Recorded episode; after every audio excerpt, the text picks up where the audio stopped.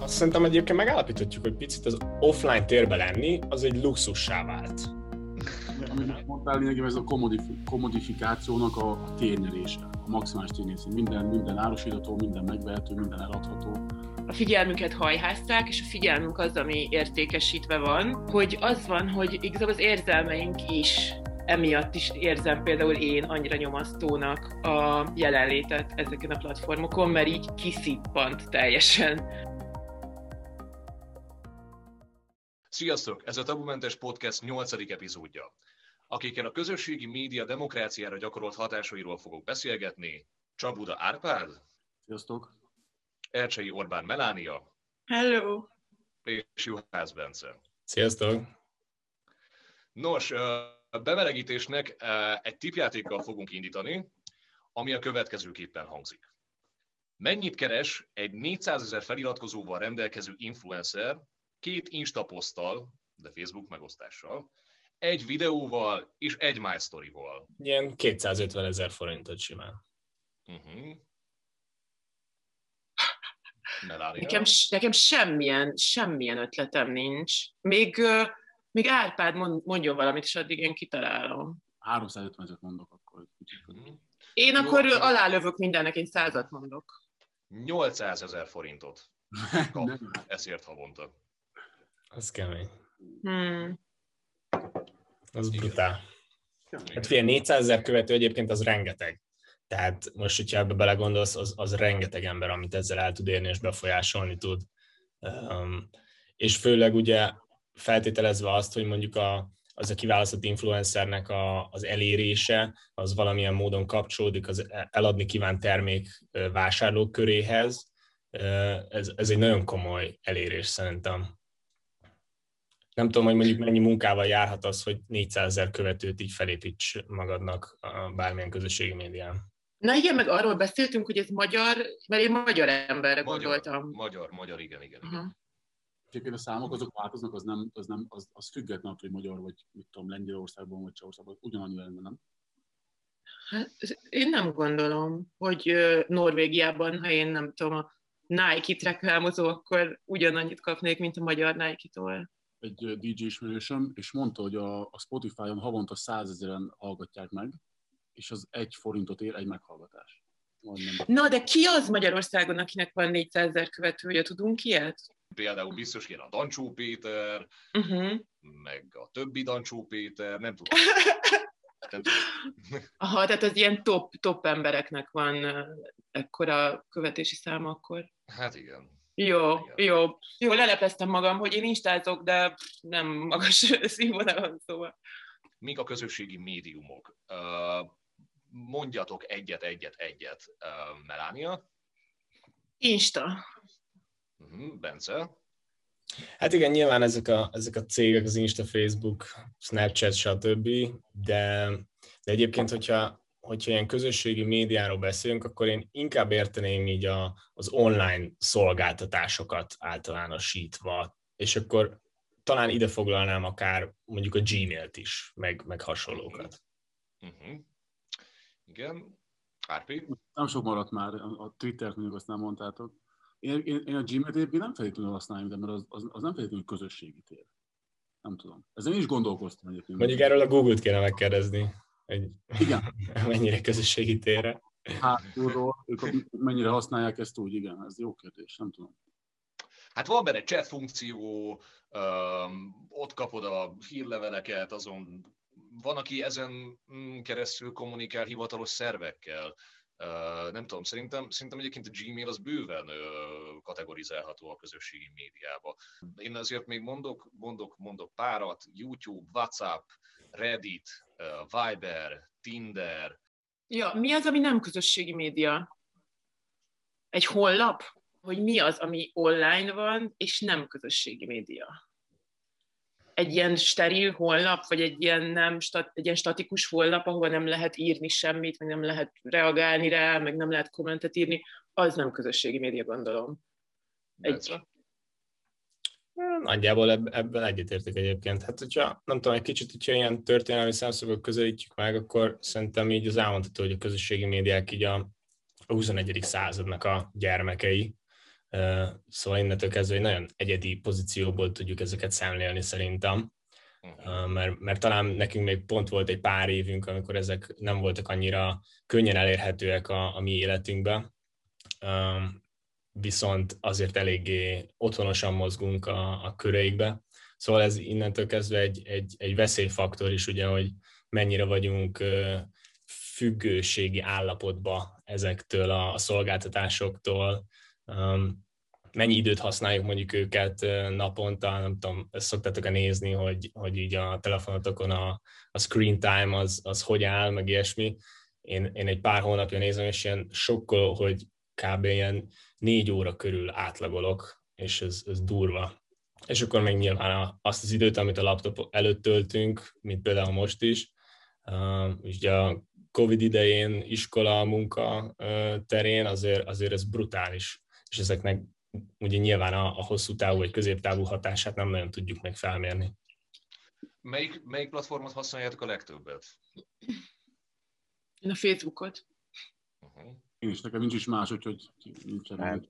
Wow, Mondjuk... akkor csak fél ember vagy, Árpi. Ha vége van, akkor csinálunk neked egy Insta profil. Jó. jó? Szuper. Mondjuk kérdés, hogy az mennyire különbözik a Facebooktól, ugye adva az, hogy ugyanaz a, a cég a tulajdonosa, ugye WhatsAppnak is, eh, Instagramnak is, Facebooknak is, de egyébként szerintem a, a, a Google-t is nagyon sokat használjuk, tehát eh, ugye minden egyes. Nyilván abban egyébként igazatok van, hogy, hogy ahogy a, a köznyelvben használjuk a közösségi médiát, abba egy Google keresés például, vagy akár, amit említettem előbb, a Gmail, az úgy nem tartozik bele, ebbe, ebbe abszolút igazatok van, de abból a szempontból viszont, hogy ez egy olyan online szolgáltatás, ami, amire hihetetlenül nagy szükségünk van, ami a mi adatainkat folyamatosan elemzi, és, és e, ezt ugye használják az algoritmusok. Ebből a szempontból viszont mégis beletartozik azért ebbe a körbe, szerintem. Jó, akkor igazából mindenki a Facebookot használja a legtöbbet. Bence erről már ugyan valamelyest beszélt, de ti hogy érzitek? többet használjátok a kelleténél? Egyértelműen. És hogyha az a kérdés, hogy mi a kellete, akkor az, hogy uh, tényleg úgy használom a Facebookot, mint régen a tévét, vagy mint a régi generációk a tévét, hogy így, ha üres a fejem, akkor így görgetem, és ez az, ami már több, mint a kellet. Igen. Igen. És egyébként ez, nekem egy kicsit ez sajátos, mert én, én nagyon tudatosan átalakítottam a Facebookomat egy pár éve, és gyakorlatilag, hogyha most megmutatnám végigpörgetnél, 10-ből 8 az hírforrás lenne. De még így is sokszor azon veszem magamat, hogy mit tudom, legtöbbször, amikor olvasnom kell, vagy tanulnom, hogy rámegyek egy hülye foci videóra, hogy mit tudom én 2000-ben milyen meccs volt a, a, a valami boldogságban, és akkor kijön a másik, kijön egy, ez a kap, és elmegy fél óra vele, és akkor így basszus, ez nagyon fontos egyébként, amire egy RPQ-kat, mert hiába próbáljuk mi szerintem tudatosan alakítani azt, hogy milyen oldalakat követünk, még akár azt is, hogy olyan hírforrásokat is bekövessünk, amivel mi egyébként talán a, a nézetükkel nem értünk egyet, de mégis szeretnénk tudni, hogy, hogy hogyan vélekednek azok, akik, akikkel mi, mi nem értünk egyet, akkor is ugye a, a közösségi média algoritmusoknak van egy ilyen tulajdonságuk, hogy azokat a, a híreket dobálják fel nekünk, amivel mi, mi leginkább kapcsolatba lépünk, amire mi leginkább reagálunk. Ugye ez az engagement gyakorlatilag ez a célja ezeknek az algoritmusoknak, úgyhogy ez egy ilyen ördögi kör. És ilyen szempontból viszont, amit Meli mondott, hogy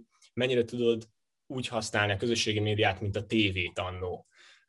Ugye ez szerintem egy nagyon nagy különbség, hogy a TV sugárzás az gyakorlatilag mindenkinek egy általános sugárzás, az mindenkinek ugyanaz megy az RTL-en este 8-kor. Viszont a Facebook vagy a, a bármelyik közösségi média az mindenkinek testre szabott. Az, ott mindenkinek az jelenik ugye meg, ami számára az algoritmus szerint majd leginkább leköti a figyelmét. És ez egy, ez egy nagyon, nagyon érdekes és szerintem nagyon veszélyes tulajdonság a közösségi médiának. Szerintem amúgy szerintem így a korról tök jó beszélni, főleg ha egy ilyen beszélgetés van, mert hogy, hogy pont így a, a social médiának a szuper gyors változása, az azért tud ilyen tapasztalati különbségeket tenni. Valaki javítson ki, hogy, hogy van ez a, hogy, hogy vannak itt ezek a besorolások, hogy uh, XYZ, izé. Ezek fasságok, ezek a besorolások az én meglátásomban, az én szerény véleményem szerint, és szerintem a közös tapasztalat teszik ki a generációkat, és attól, függ, az, attól is függ szerintem, hogy miről beszélünk, hogy mivel kapcsolatban merül fel kérdésként, hogy mi egy generáció vagyunk. Szerintem ebben a social médiában ilyen, ilyen valamennyire lehet azt mondani, hogy egy generáció vagyunk, de szerintem azért vannak itt eltérések nálam, mivel hogy én idősebb vagyok. De ezek enyhék. 2011-ben kaptam meg az első okos telefonomat, és én onnantól datálom azt, hogy így beszívott engem Okos. ez a közösségi médiatér. Én akkor relevánsnak értékeltem a közösségi oldalakról kapott uh, impulzusokat.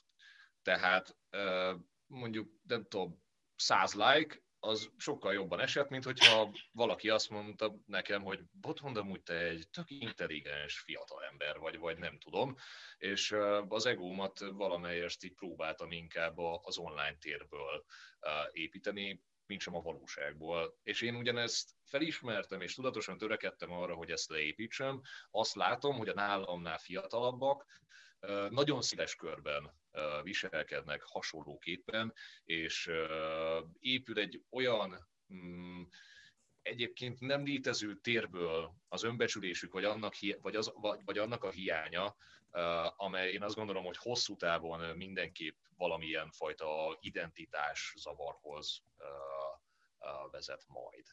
Nektek van hasonló élményetek? Én azt gondolom, hogy nekem ez azért volt ennyire markáns, mert én fiatal voltam kifejezetten, és vevő erre a dologra. Meni, te hogy élted meg az első okos telefonodat, meg a többi? Én egyáltalán nem emlékszem, hogy mikor volt az első okos telefonom, arra emlékszem, hogy mikor volt az első telefonom, és a kettőt azt nem éltem meg olyan nagy különbségként, pedig nyilván más volt az első telefonom. Én ilyen saját személyiségembeli torzulást egyáltalán nem érzek, és akkor itt lehet, hogy bejön az, hogy azért, mert 2010-ben én már 23 éves voltam, és tehát én elég kifejlett személyiség szinten kezdtem el belesodródni a social médiába, szóval én egyáltalán nem gondolom, hogy személyiség, a személyiségem ettől változott bármennyire is. Mm. Ja, rám se volt egyébként, én is ugyanúgy boton, nekem is szerintem 12-11-ben volt az első ilyen okos telefonom, amit okos lettem, de szerintem a Facebook alkalmazást, azt szerintem ilyen, nem tudom, is, hogy 14-15-ben töltöttem le, vagy nem is tudom, tehát addig csak a laptopon használtam. Abszolút, nem, abszolút, abszolút rám se volt ilyen személyiség ferdítő, vagy személyiség befolyásoló hatással. Nem mondanám, nem gondolnám. De egyébként itt most még gyorsan visszagadok, amit mondtatok, hogy ez a generáció, meg hogy mennyire, használ, mennyire használható. Persze mondjuk egy ilyen kérdés nehéz, mert mit tudom, 2015-ben ütött be úgy keményen a effekt mondjuk, de azért mégiscsak van egy olyan szintű haszna, hogy össze lehet hasonlítani mondjuk a mellé a te előtted lévő generációval. Hogy ahhoz képest milyen hatása.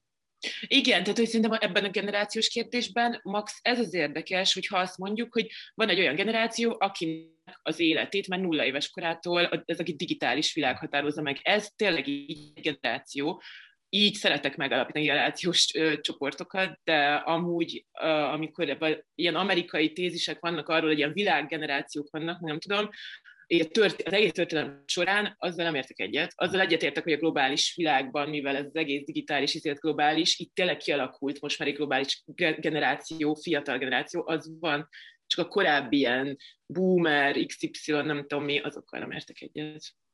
Bence?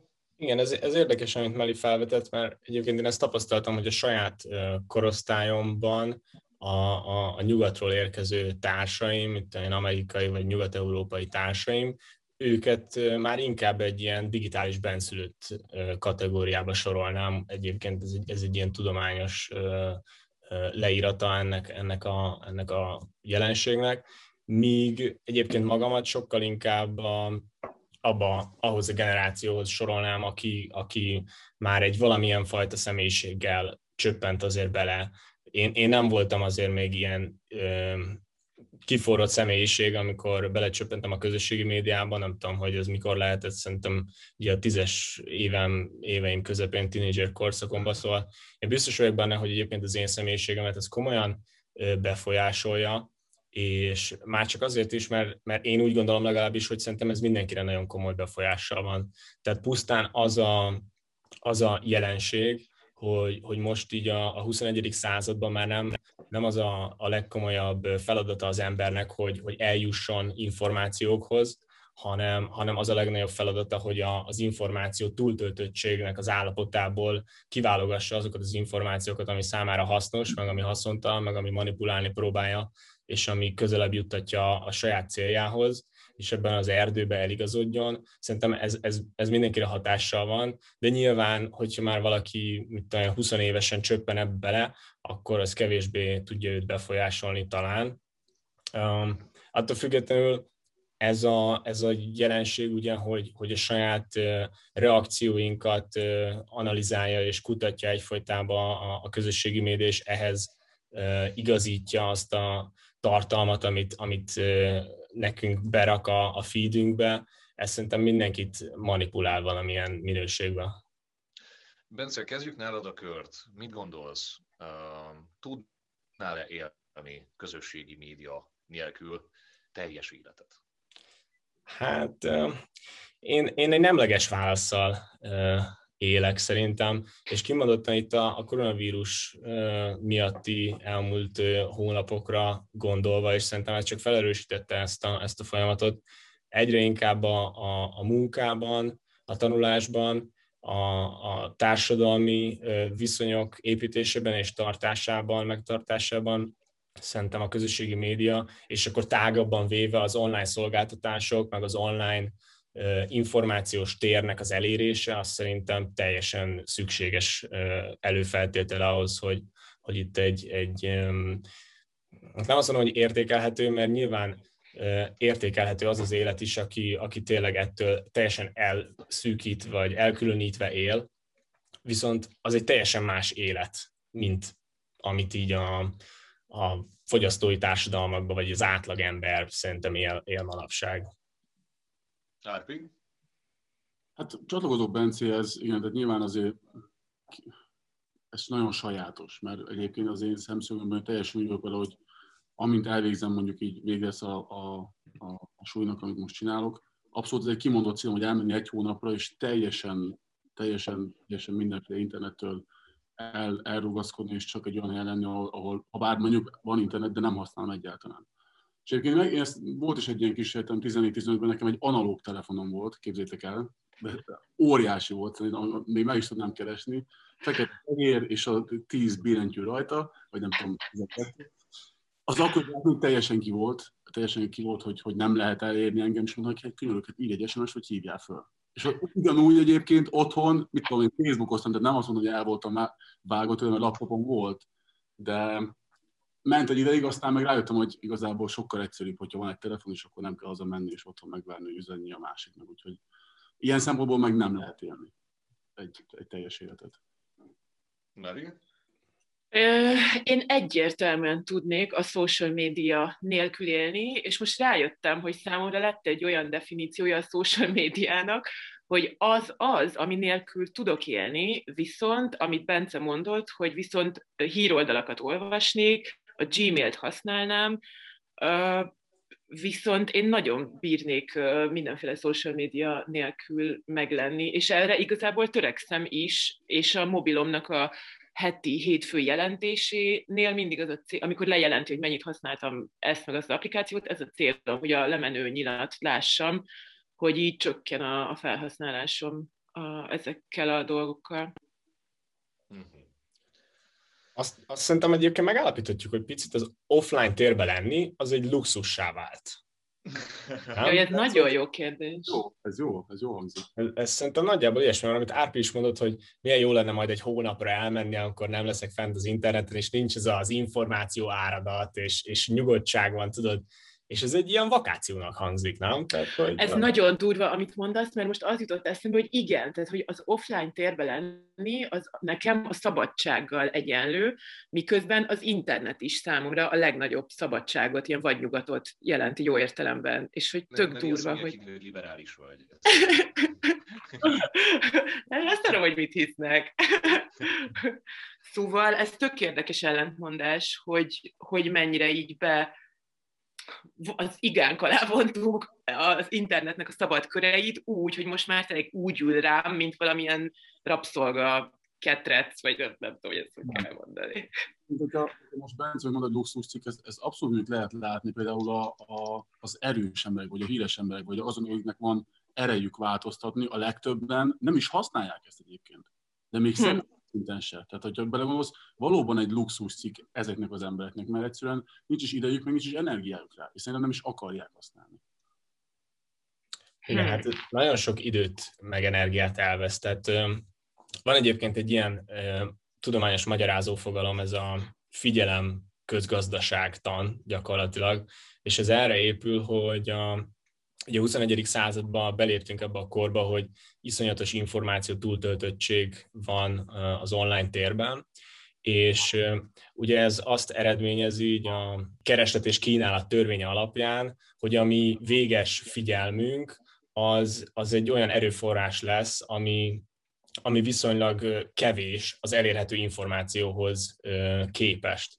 És, ezek a, és azt állítja ez a magyarázó fogalom, hogy, hogy ezek a közösségi médiumok, ők pedig abból tudnak pénzt keresni gyakorlatilag, hogy a mi figyelmünknek minél nagyobb hányadát megpróbálják lekötni, mert ugye minél többet figyelünk mi az ő oldalukra, ők annál több reklámot tudnak nekünk eladni, amiből ugye ők profitot termelnek, és innen ugye jön egy ilyen nagyon, nagyon durva nem is tudom, viszony a, a közösségi média használója, azaz mi, és a közösségi médium között egy ilyen nagyon érdekes viszony, amit egy, mit tudom én, egy jobboldali kritikából lehet úgy fogalmazni, hogy, hogy elveszi kicsit a szabadságodat, amire Melit szerintem te előbb is próbáltál kiukadni, hogy kicsit elveszi a szabadságodat, meg ugye manipulál is, mert, mert ő határozza meg azt, hogy milyen információ jut hozzád, Viszont nagyon érdekes, mert van egy, egy baloldali, egy, egy marxista kritikája is ennek a, ennek a dolognak,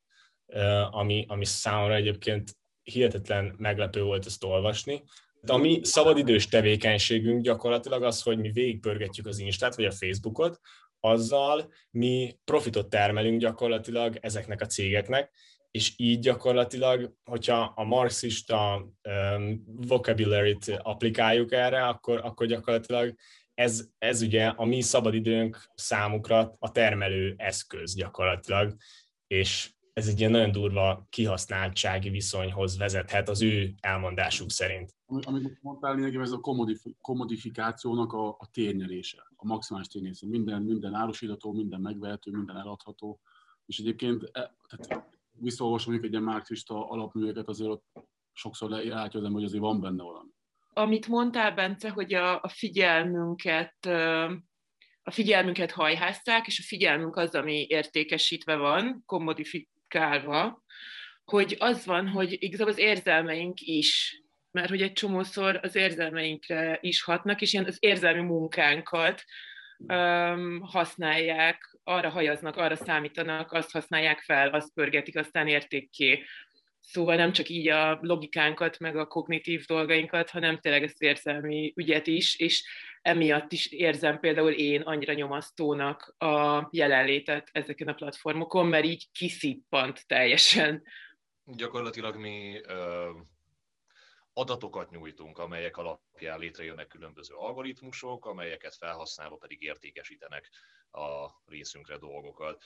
Ennek is köszönhetően szól az a mondás, úgy, ahogy, hogy az adat a 21. század olaja.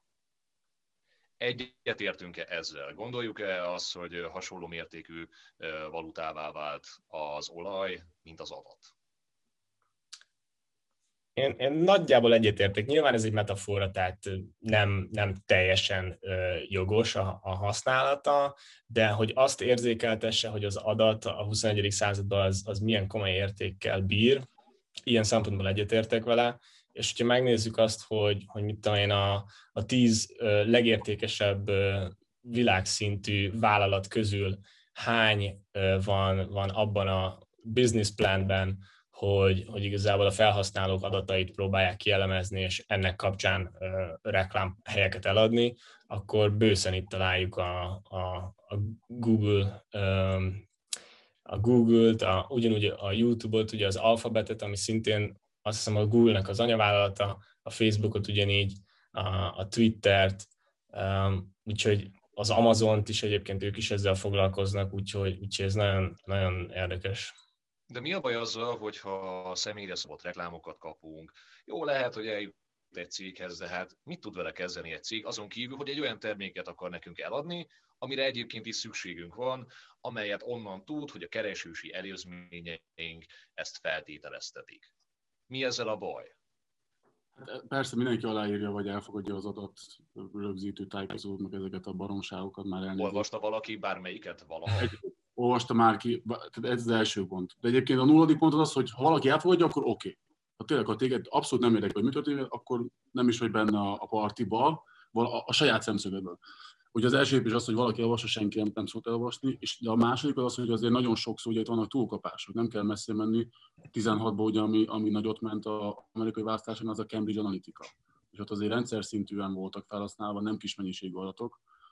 Tehát ugye még hiába is egyezelte vele, hogyha nem ez lesz a végeredménye. És akkor ugye már van egy ördögi kör.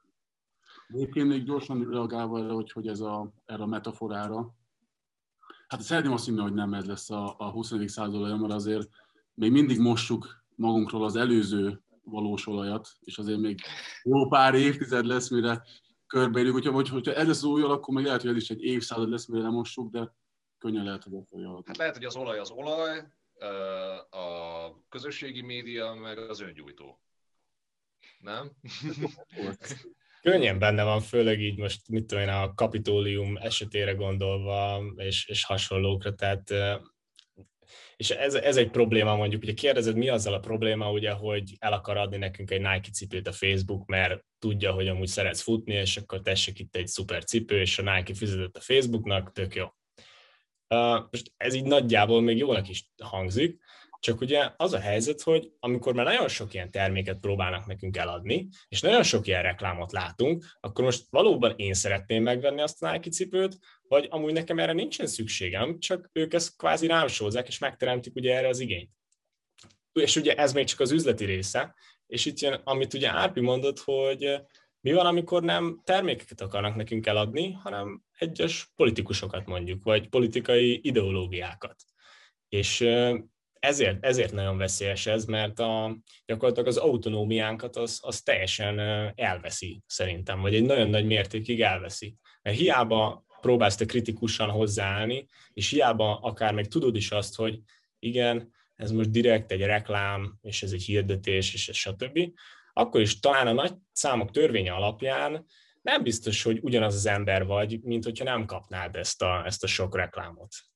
Konstatáltuk a tényt, miszerint ezek a közösségi média terek a feltételezett igényeink alapján ajánlanak nekünk termékeket.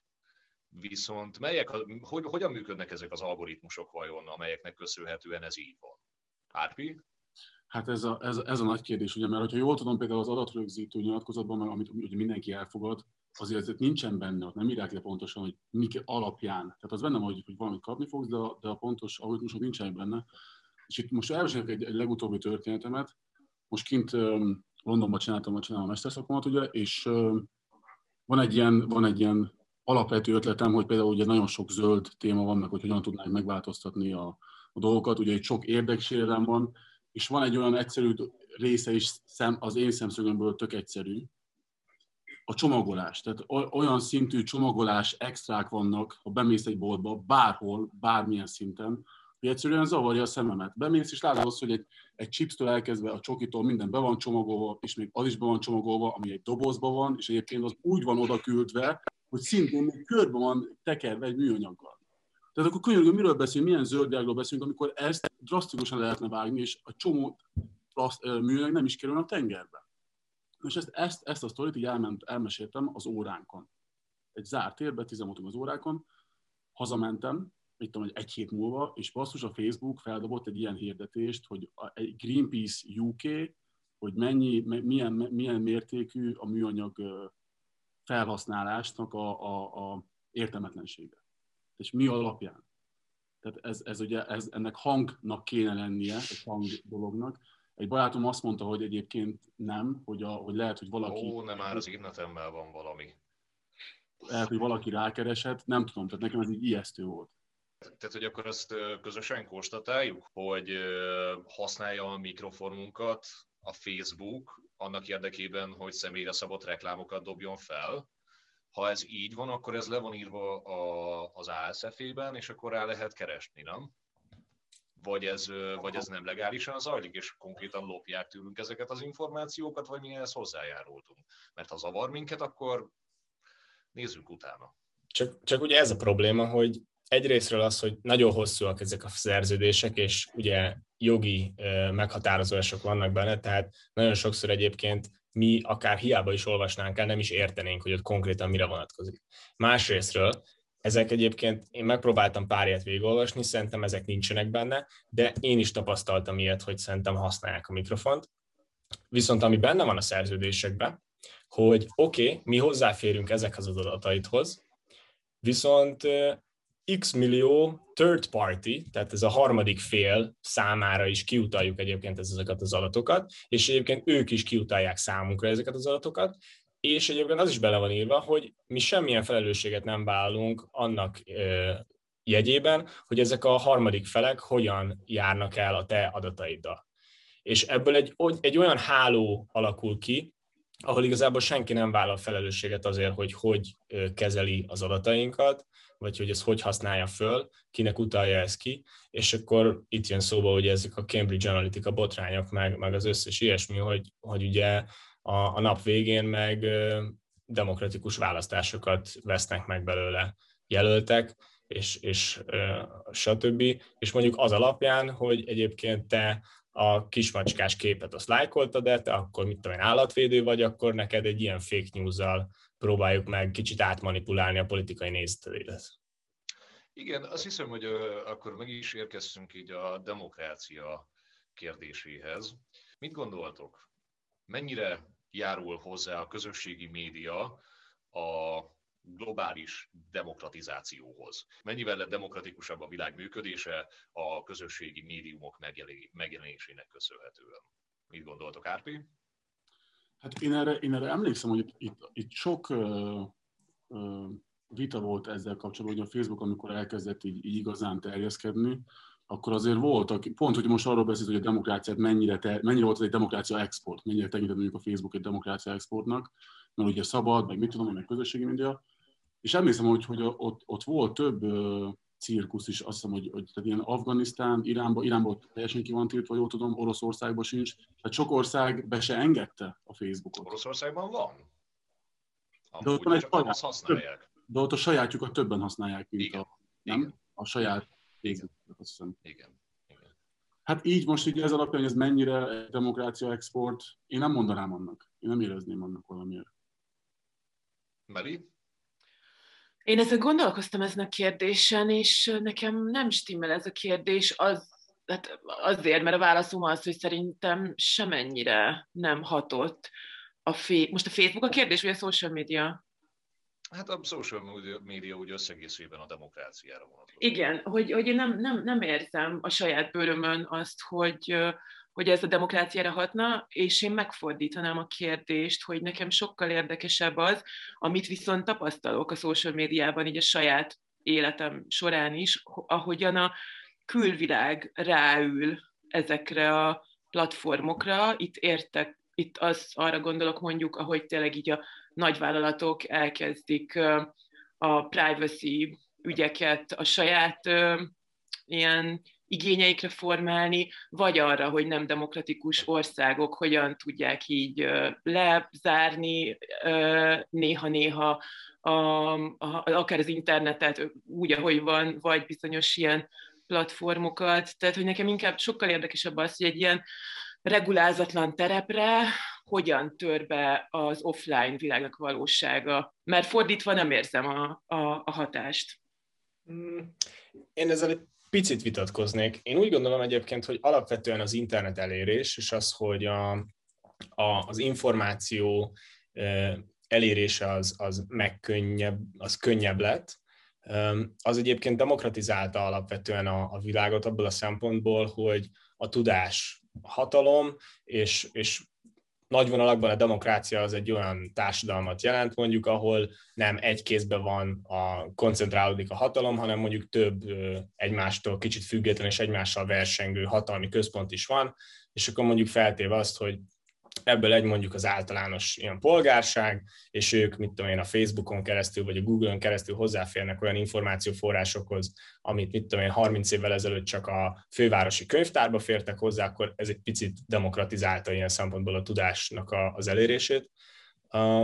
De másik szempontból nyilván sok, sok deficitje is van ennek, egy szempontból, amiről már beszéltünk, ugye a manipuláció miatt, és az miatt, hogy tehát itt, itt többször is talán erre céloztatok, hogy ez egy milyen szabad világ a, a közösségi média, vagy ez az online tér, de én, én ezt nem, nem így látom. Én ezt úgy látom, hogy talán így, így külső szempontból szabad térnek látszik, de ez nagyon durván szabályozva van szerintem pont az algoritmusok által, és az algoritmusnak pedig tényleg az a célja, hogy minél több időt, meg figyelmet adjál gyakorlatilag ennek a, ennek a platformnak, és, és az ő szempontjából ez teljesen mindegy, hogy, hogy mivel éri azt el, hogy te minél többet figyelj arra az oldalra, lehet, hogy mit tudom én, Árpi számára ez az, hogy, hogy bedobja neki, hogy kevesebb csomagolás legyen, és akkor itt egy tök jó reklám, és akkor megakad azon a figyelmed, elolvasod a kommenteket, stb. Viszont lehet, hogy másoknak meg egy, egy nagyon meghökkentő hír, egy, egy, egy álhír mondjuk, ami váratlanul éri őket, ami hihetetlen, ami arról szól, hogy egy gyík emberek átveszik az irányítást a föld felett, és, és stb. És tehát ilyen szempontból akkor szerintem egy kicsit kiukadhatunk arra, hogy így a véleménybuborékokat hogyan formázza a, közösségi média, meg hogy, meg hogy az álhírek terjedését hogyan segíti, és szerintem az elsősorban az miatt van, hogy, hogy az egyetlen célja az az, hogy minél többet figyeljünk rá, az pedig senkit nem érdekel, hogy ezt a, az adott algoritmus hogyan éri el. Hm. Tehát egy, egy másik kutatás meg igazából azt próbálta kideríteni, hogy, hogy melyik azok a, az információ elemek, amik leginkább le tudják kötni a figyelmünket, és akkor két fajta információ köteget találtak ők. Az egyik az a fajta információ, amivel mi tökre egyetértünk, és a, a, a már meglévő véleményünket igazolja vissza, egy ilyen pozitív visszacsatolást ad, a másik pedig, ami, ami nagyon szembe megy a meglévő véleményünkkel, ami meglepő, ami, ami akár horrorisztikus információt ad számunkra, és, és akkor innen szerintem a pozitív visszacsatolásból juthatunk el talán a, a véleménybuborékokhoz, ugye, de, de szerintem egyébként ez alap, amúgy is benne van az emberi természetben, de talán a közösségi média ezt, ezt még felerősíti a, a, az algoritmusok által. A másik részről meg ugye az álhírek terjedése, ugye ezt is uh, tudósok kimutatták, hogy, hogy négy-ötszörös sebességgel terjednek a közösségi médiában az álhírek a, a valós hírekhez viszonyítva, és ezt én, én szerintem ezt úgy gondolom, hogy ez azért lehet, ugye, mert ez annyira meglepő, annyira sokkoló információ, hogy ez sokkal könnyebben osztod meg, sokkal könnyebben um, um, merülsz bele gyakorlatilag a hírbe. Magyarországon egyébként megdöbbentő, hogy mekkora tábora van a lapos föld hívőknek. Nekik is például egy ilyen, tehát hogy ők saját maguk teremtették meg a, a véleménybuborékaikat. Nem tudjuk, hogy, hogy, hogy ebből még lesz, lesz-e még egy Donald Trump, vagy ez a populizmus, amely így az egyik legmeghatározóbb politikai attitűdje a, a korunknak, ez így mikor fog majd egyszer véget írni, hogyha ez egy ilyen folyamatosan magát újra termelő jelenség. Hát szerintem egyébként most csak a Donald Trumpos reagálva, ezt, ezt, ezt, szeretik sokan csak így betudni, mondjuk, hogy ő, egy, ő, egy jelen, hogy ő ennek a vég terméke. De szerintem egyébként Trump, ő csak egy, ő csak egy bábú volt. Sok más ember is bekövetett volna oda. Egyszerűen olyan feszültség volt a rendszerben, hogy ezt őt produkálta. De hogyha nem ő lett volna, akkor egy másik ember dobott volna ki a rendszer. Én ezt nem, én ezt nem tenném be csak ennek. Persze nagyon sokat rádobott a fake news is, meg ezek, a, meg ezek az anomáliák, de én nem tenném be ezt csak így ebbe a kategóriába. De amiről beszéltél, ez a második trend, amit, amit a Bence felvezetett, azt szerintem sokkal fontosabb, mint az első. Ez a, ez a negatív echo chambers és ez a fake news, fake news amit, amit az emberekbe egyszerűen beleragadnak. Például Amerikában, ha jól tudom, még a mai napig több ember nem hiszi el, hogy a holdra az valós volt, mint, mint aki ennyi elhiszi.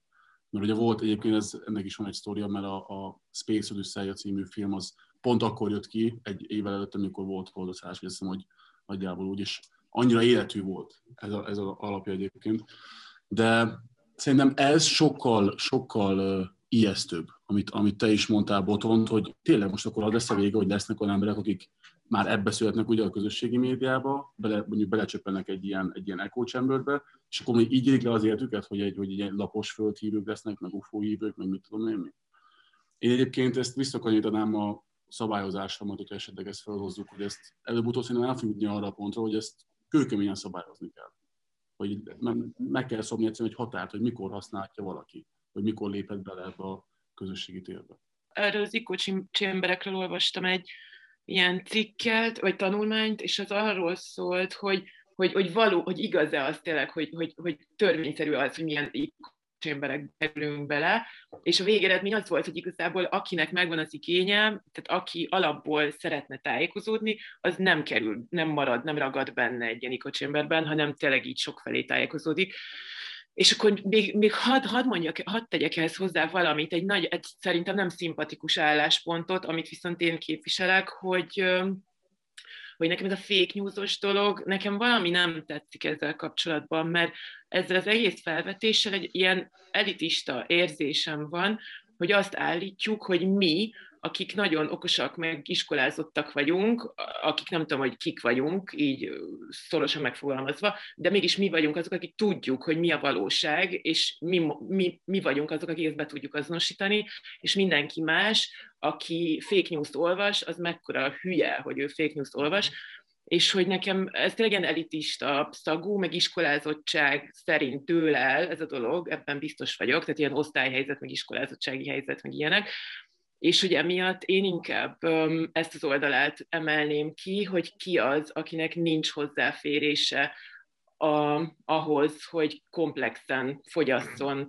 híreket, meg ilyesmi, és hogy hogy lehet ezt ilyen szociális szférákban feljavítani, és nem ott, ott benne ragadni, hogy úristen, mennyire para, hogy emberek ennyire hülyék, hogy fake newsokat olvasnak. Igen, ezt nagyon folytatnám ezt a gondolatmenetet, amit Meli elkezdett, mert, mert nagyon szertágazó és, és rettentően fontos ugye nyilván ebbe igazad van, hogy, hogy az határozza meg, hogy ki mennyire tud eligazodni ebbe az információ rengetegbe, talán korrelál azzal, hogy, hogy milyen iskolázottsági szintet tud elérni az az egyén, és nyilván akkor itt bejön csomó igazságosság kérdés, ugye milyen hozzáférése van az iskolához, különböző információk, stb. ugye pénzügyi háttér, családi háttér, rengeteg minden, és szerintem innen indul ki egyébként az egész iskolai rendszernek a reformja. Tehát ez most egy, egy eléggé side note, de gyakorlatilag ez az egész iskolarendszer reformjának az alapja, hogy most már nem az a probléma, hogy eljussunk információkhoz, és hogy tudjuk azt, hogy mikor fogadták el az aranybullát, hanem hogy meg tudjuk állapítani azt, hogy jön egy hír felénk az aranybulláról, hogy mit tudom én, az mégse úgy volt, és te el tud dönteni, tud értékelni annak a hírnek a valóságát, annak a hitelességét, a, a forrását, ezt te tud mérlegelni, hogy ez mennyire hiteles, mennyire nem hiteles. És ezeket a készségeket próbálnák szerintem a, az oktatási rendszer reformerei erősíteni, azzal szembe, azzal a tárgyilagos tudással szembe, hogy akkor uh, tudnod kell, hogy, hogy melyik hónapban született Petőfi Sándor, mm, és, és erre akartam egy picit még kiukadni, ami, ami eszembe jutott a kommentet kapcsán, de akkor Árpinak átadnám a szót. Hát most az oktatásról órákat tudnék beszélni, hogy miért kell tudni, melyik hónapban született Petőfi Sándor volt. Azt kell tudni, hogy hogy vegyél fel egy hitelt, hülye gyerek, vagy nem tudom, tehát így felrobban a fejem az oktatási rendszertől, hogy hogy ne vegyél fel hitelt, hogyha már a, a, erről beszélünk. De amit, amit, amit mondta ez a fake news, hogy, hogy mi tudjuk, ez, amit mondta, hogy nem tudjuk, hogy hogy definiáljuk a mit, de hogy a, ez ilyen elitist, ez, ez maximálisan egyetértek, Főleg úgy, hallatszik egyébként ez a telefoncsörgés? De jó. Nem, de hogy. No para. Amit akartam mondani, a, igen, hogy a, a fake news, tehát vannak árnyalatai ennek a fake newsnak, és ki dönt el, mert ugye ez, ez a marriage jazz az így beszűkül, beszürkül. Ki dönti el, hogy mi az a fake news, mi az, ami nem. Tehát van már egy olyan, van egy olyan rész, amikor, amikor már átmegyünk egy újságírásnak a klasszikus kérdése, hogy mennyi, mennyi, mekkora a ferdítés, és mondjuk ez a ferdítés már becsomagolható fake newsnak, vagy nem. És voltam egyébként 19-ben a, a, az Európai Parlament egy tanulmányúton, és ott erről tartottak előadást nekünk, és én le, ezen vitáztam a csávól, hogy, hogy és akkor ki dönti el? És akkor itt ugye már ezt be lehet csatornázni teljesen más dolgok is. Például a Facebookon milyen tartalom, mondjuk most mit tudom, egy extrém például, hogy milyen tartalom rasszizmus, vagy milyen, milyen tartalom tűnik ennek meg annak, mi az, ami politikai korrekt. És akkor már teljesen be, bemegyünk egy ilyen esőerdőbe, de, de ez nagyon érdekes, hogy mondtál, hogy, hogy tényleg ki dönti el, hogy mi az, ami fake news, mi az, ami nem. Hát ö, muszáj lesz egy kicsit politizálnunk ténylegesen, és a politika az egy olyan tér, én úgy veszem észre, ahol nem a tudásbázis az, amely teret nyer, hanem inkább a hit. És ez az, amely így a fake news, az álhírek terjedését ilyen mértékben elősegíti. Tehát, hogyha megnézed a legtöbb állami pénzzel kitömött orgánumnak a, a lapjait, ott is nagyon könnyen belefuthatsz álhírekbe. Miközben elméletileg ezek a platformok úgy kellene, hogy működjenek, amelyek így a köztájékoztatás segítik elő. De még ebben a még, még, tehát, még ebben a szegmensben is belefuthatunk nagyon könnyen álhírekbe, Bence. Igen, ez egy, ez egy abszolút jogos felvetés, és akkor összekapcsolva ezt Árpinak az előbbi kommentjével. Ugye van ez, a, ez az általános politikai, meg filozófiai leginkább vita az objektivitás, meg a szubjektivitás között, ugye, hogy egyáltalán tudunk-e objektívek lenni, vagy sem, és ez nagyon durván kapcsolódik a fake newsoknak a, a, a megtalálásához, vagy a kibökéséhez, mert én, én úgy vélem egyébként, hogy, hogy egy filozófiai szemszögből nem mondhatjuk azt, hogy bárkinek a, az elmondása, leírása, egy információ visszaadása az objektív. Mert az egy embertől származik, az innentől fogva szűken véve, definíció szerint ez, ez szerintem szubjektív. De nyilván a, a média világában, meg amire Boti ö, ö, célzott, hogy azért oké, okay, nem lehetünk objektívek teljes mértékben, mert olyan nem létezik. Viszont az objektivitás ideálja felé célozni viszont lehetne. És akkor innentől feljövünk egy olyan skálára, ami nem egy igen és nem, hanem egy ilyen, egy ilyen mértékletességnek a, a skálája, hogy melyik mennyire ferdít, mennyire ad egy plusz narratívát egy hírnek, mennyire próbálja legalább visszaadni a, a tényleges történéseket, egyáltalán mik ezek a tényleges történések, ez nagyon nehéz, de, de én akkor ezt szeretném bedobni, hogy, hogy ez, ez nem egy igen és nem kérdése, hogy ez most fake news vagy sem, hanem, hanem egy, egy, egy ilyen skála kérdése, egy kontinuum kérdése. Hmm, ö, nekem most eszembe jutott valami erről, hogy, hogy én ezzel nem értek egyet annyiban, hogy ez mind tökre bólogatok, hogy igen, az újságírásnak, a politikának, meg a tudománynak is mindig ez a központi eleme, hogy az objektivitás, szubjektivitást hogy lehet szétválasztani, de hogy szerintem a fake newsoknál nekem nem ez a bajom ezekkel, vagy szerintem nem ez a probléma, hanem inkább az átverésnek a szándéka a probléma. Tehát, hogy különbség van között, hogy én szubjektíven írok le valamit, hogy elment, hogy láttam, nem tudom, Orbán Viktort, és hogy én kedvesnek gondolom, me vagy nem, meg között is, hogy leírom, hogy mekkora pénzeket zsebelőben, nem tudom honnan, az egyik objektív, a másik meg szubjektív, de van a harmadik, amikor én át akarok verni egyéneket vagy tömegeket, és akkor azt mondom, hogy nem, nem tehát, hogy átverés céllal mondok valamit. Szerintem, és szerintem ez a fake news. Álhír szerintetek az, hogy Soros György gonosz? Ez Nem. Az a baj, hogy ez nem egy hír, tehát ez, igen, egy, ez egy vélemény, ugye. Ez egy akadéma. Manapság ugye az újságírás az egyre inkább ebből áll, hogy, hogy a véleményt azt megpróbálják hírként apostrofálni. Igen. Közben... Szalmabábokat, szalmabábokat alkotnak, és nem azt mondják, ami a valóság, hanem uh, amit az emberek hallani akarnak. Így van. És, most, és amit... én azt gondolom, hogy ebben a pillanatban érkeztünk meg érdemben a populizmushoz. Szeretném, ha mindenki jóvá hagyja, hogyha erről beszélgetnénk egy picit, mert már egészen régóta tart a felvétel, és erről még egy árva szó sem esett. Nem fantasztikus átvezetés volt ez, szóval nagyon jó. Szuper. Szóval kezdjük azzal, hogy mi a populizmus. Nektek mi a populizmus? Beszélhettek bármilyen perspektívából, bármilyen aspektusát illetően, mert én azt gondolom, hogy jelen pillanatban az a populizmus, ami beszélni szeretnénk, az nem egy teljes egészében definiálható dolog, hanem ezt most csak megfigyelni tudjuk. Tehető megállapításokat, érzékelhetjük a következményeit, de most egy olyan ö, kortálló definícióval egyikünk sem fog tudni szolgálni, amely ö, érdemleges volna.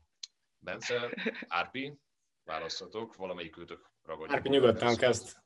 Jó, kezdetem. Hát én még nem fogok definícióval szolgálni, mert én, én, én nem szeretem a... Próbáld meg, neked, neked kik a, kik a populisták? Én, én amit kiragadnék a, a létező demo, definíciókból, az a demagóg és a demagóg hozzáállás. Nekem, nekem ez az, ami úgy, ez úgy igazán kiemelhető úgy egy szóként, és, és nekem itt csapan le az, hogy, hogy, hogy mi, igen, tehát a maga a populizmus, nekem itt csapan le. Az, hogy demagóg, az, hogy, az, hogy, hogy a klasszikus szembeállít egy csoportot egy másikkal, sorolhatnánk. Én, nem, én azért nem szeretem a definíciót, egyébként most gyorsan mondom azt is, mert mert mi hiába definiáljuk egyébként mi egymás között, vagy mondjuk azt, hogy mondjuk mi akadémisták vagyunk, és akkor mi definiáljuk, ez a médiában ez nem megy át. Tehát én egyetlen egy cikket nem láttam, ahol lehet volna írni, hogy szerintem ez a, def, ez a, ez a populizmus. A mainstreamben, mit tudom én, 95%-a nem látom, hogy egyébként. Én jelentkezek, bocsánat, közben. Csak én, én elmondanám, hogy én mit találtam definícióként, csak hogy ez elhangozzon, hogy a populizmus az tényleg az, hogy a, az elittel szemben a népet célozza be, meg, ők, a, meg a népet preferálja, hogy van egy karizmatikus vezetője, aki, aki, számára, aki a nép számára nagyon ilyen vonzó, és hogy ideológiailag tartalmatlan a legtöbb esetben, és a legtöbb esetben, és vonatkozhat a jobb oldalra is, meg a bal oldalra is, tehát jobb és baloldali értékrendű is lehet ez. Tehát ez, ez a három. Nem egy ideológia, hanem inkább egy magatartás.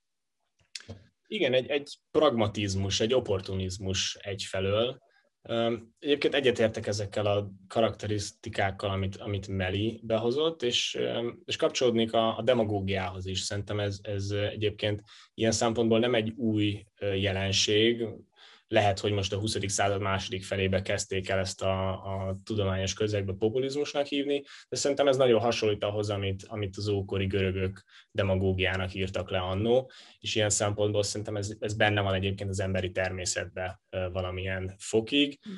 Valószínűleg ezt a közösségi média egyébként felerősíti és és segít abba, hogy, hogy ezek a populisták minél nagyobb embereket elér, minél több embert elérjenek, de amúgy is ez egy létező dolog. Amúgy, amit még szeretnék mondani, hogy az, amit Meli bedobott, hogy ez egy e, elit ellenes mozgalom, aminek van egy, egy erős vezetője, ez szerintem tök igaz, viszont alapvetően az, hogy egy valamilyen mozgalom elitellenes, szerintem ez nem feltétlenül probléma. Szerintem ez a demokráciának egy, egy alapvető kelléke egyébként, egy szükséges kelléke, és azt hiszem, hogy ezt egy, egy Müller nevezetű társadalomtudós hozta be, hogy... Jean Müller? Így van, pontosan Jan Werner Müller. Pont nem is jutott eszembe a neve, csak a Müller, úgyhogy köszi, hogy, hogy bedobtad. Jan Werner Müller hozta be a diskurzusba, hogy az egy dolog, hogy elitellenes a populizmus, ez még nem feltétlenül probléma. A probléma ott van a populizmussal, amikor ez pluralizmus ellenes is lesz. És talán erre próbált Árpád utalni, amikor mondta ugye, hogy, hogy egy bizonyos csoportot kiemel a, a nemzetből, vagy az emberiségből, és, és őket helyezi az előtérbe, és a többiek legitimációját a véleményhez, az e, egyetemértéshez pedig eltagadja. És, és amikor ezt a, a, a pluralizmus ellen megy, megy a populizmus, szerintem itt, itt kezdődnek a problémák, addig, amíg szimplán az elit ellen mennek, hát sokszor van olyan, hogy az elit az, az igen korrupt, és meg kéne őket próbálni leváltani, ez egy dolog, és más dolog az, amikor tényleg eltagadjuk a, a másik embernek a, a legitimációját. Hát na jó, de Magyarországon én azt gondolom, hogy a mindenkor elitjét azt a politika bocsátotta az elit részévé. Hogy szállhat szembe Magyarországon a, az elittel szemben az elit? Érted? Ah. Tehát Magyarországon, amikor a leggazdagabb emberekről beszélünk, akkor elvétve találunk olyat, akiket nem gazdagítottunk állami pénzzel.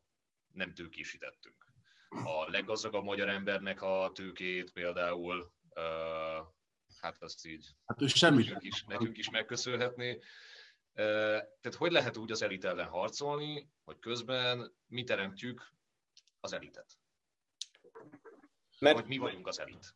Ez egy ilyen retorikai, retorikai fogás elsősorban. Igen, Világos, tudom, erre akartál ugye kiukadni, azért, azért is próbálom mondani, tehát jó volt egyébként nagyon a kérdés ilyen szempontból. Igen, ez elsősorban egy retorikai elem, és nincs mögötte, amit már mondtatok is, ugye egy klasszikus ideológia, egy konzisztens ideológia, hanem éppen amerre kicsit fúj a szél, egy opportunista módon ugye a hatalom megtartása, megszerzése talán a, a vezető erő. Meri? Meg szerintem szimbolikával. Tehát, hogy a, a valós, ha valós cselekvést néznék az emberek, akkor oda jutadnának, am, amit te is megalapítottál, hogy az elit hogy lehet elit ellenes, viszont az elit képes igen retorikával és diskurzussal szimbolikát építeni, például azt, hogy nem tudom, a határon túli magyarok, ők mekkora szívügyei az elitnek, és akkor ez megint ilyen néphez való kötődés, vagy hogy Soros György egy ördög, és akkor ez is egy olyan szimbolika, ahol, ami elfedi azt, hogy én megnézem, hogy a gyakorlatban hogy működik az az elitbeli ember, aki nekem elitelleneset beszél. Szóval ez a szimbolika az is egy nagyon jó ilyen eszköz arra, hogy a gyakorlatot elfedje. Én itt visszakapcsolódik, hogy, a, hogy az érzelmeknél adtunk ki, hogy az, e- a, a, a, az ott a konklúzió a Facebooknál is, meg az algoritmusoknál is, hogy az érzelmekre hat és szerintem pont ezért a kettő, hogy ez így kapcsolódik, a populizmus, ami szinte az érzelmekre ad, meg a Facebook, meg a social media, ami erre épít, ez a kettő csatlakozik, és akkor kész van a tökéletes echo chamber. És, és egyébként szerintem erre is megy ki a játék kimondottan, és most, hogyha egy kicsit tényleg aktuál politikát keverünk bele, hát a Fidesz erre érzett rá, hogy Isten igazán. Tehát ő, ők ráéreztek arra, hogy itt igazából az érzelem számít. És egyébként ez, ez nagyon sok helyen így van. Tehát nem csak nálunk, ez, ez de még évtizedekig viszonylag is így volt. Isten igazából, amiről itt szó van, az az, hogy az, a, a racionalitás, a szakpolitika, az nagyon sok helyen másodlagos lett sajnos. És, és, és engem igazából ez nőtt a legjobban, hogy minden adott lenne ahhoz, hogy itt most óriási legyen, és helyett az oznai is uralkodóra játszanak. Bence? Igen, most eszembe jutott még egy, egy Harvardi tudósnak a, a, a tézise, Dan Kehen, és, és van egy olyan fogalma, hogy ez az Identity Protective Cognition, tehát ez az identitás védelmező elmeműködés, vagy valami hasonló. És ez igazából arra próbál kiukadni, hogy minden egyénnek nyilván van egy identitásképe, amihez hozzá kapcsolódik az is, hogy ő egy milyen közösségnek a, a része. És, és azt mondja, ő egy pszichológus egyébként, társadalompszichológus, azt mondja Kehen, hogy hogy amikor kapunk egy valamilyen hírt, azt mindig ezen az Identity Protective Cognition-ön keresztül értelmezzük, és építjük be a személyiségünkbe, vagy próbáljuk visszautasítani annak függvényébe, hogy ez a mi identitásunkat és a mi csoportunkat, a mi törzsünket, ugye, amit itthon sokat használnak a, a közbeszédben, ez hogyan érinti ez a hír és azt mondja, hogy nyilván sokszor ez, ez tudatosan is végbe megy, de nagyon sokszor ez, ez az, az ön, öntudat egy olyan szintjén van, amihez nekünk nincs is hozzáférésünk, és, és valószínűleg egyébként itt akkor visszakapcsolódnék ehhez az elitista megközelítéshez, hogy ezek valószínűleg mindannyira hatással, hatással vannak, mindannyiunkra hatással vannak, ugyanúgy, ugyanúgy ránk is, akik talán tudatában vagyunk ezeknek, és próbálunk ezekről elmélkedni, gondolkozni, attól függetlenül ezek ugyanúgy hatnak ránk is, és ugyanúgy befolyásolnak minket is. Igen, igen, ú, ez tök jó. Uh, meg az, hogy amikor én a szimbolikát mondtam, akkor most rájöttem, hogy igazából ilyen kulturális toposzokat értettem, és amit te mondasz, Bence, az tényleg ez, hogy így hogy uh, mondjuk a Fidesz így rátapint olyan ilyen kulturális toposzokra, amiket um, amik így tényleg így bennünk vannak, akár el nagyon utálkozólag, akár támogatóan, de hogy ezek Magyarország, ilyen magyar nemzetnek ilyen létező ilyen történetei, vagy képei, meg ilyen lelki ügyei. Szóval, ja. Ában, bocsánat, ez önmagában ez nem negatív, tehát ne, ne, ne, nem szeretem, amikor azt a képet, hogy, hogy, hogy, hogy ez negatív. Nem, tehát van negatív, meg pozitív része is, de ami, amikor Orbán azt mondja, hogy ő érti ezt a nemzetet, az, az nem egy légből kapott dolog. Tehát ő, ő tényleg az átérzi ezeket is, amiket most itt lényegében ez a konklúzió, hogy átérzi az érzelmeket is, és pontosan erre játszanak. Ez, a, ez az ördögi zsenialitás benne sajnos. Köszönjük, hogy végighallgattatok minket. Reméljük, hogy tetszett. Lájkoljatok, osszátok meg. Legközelebb találkozunk.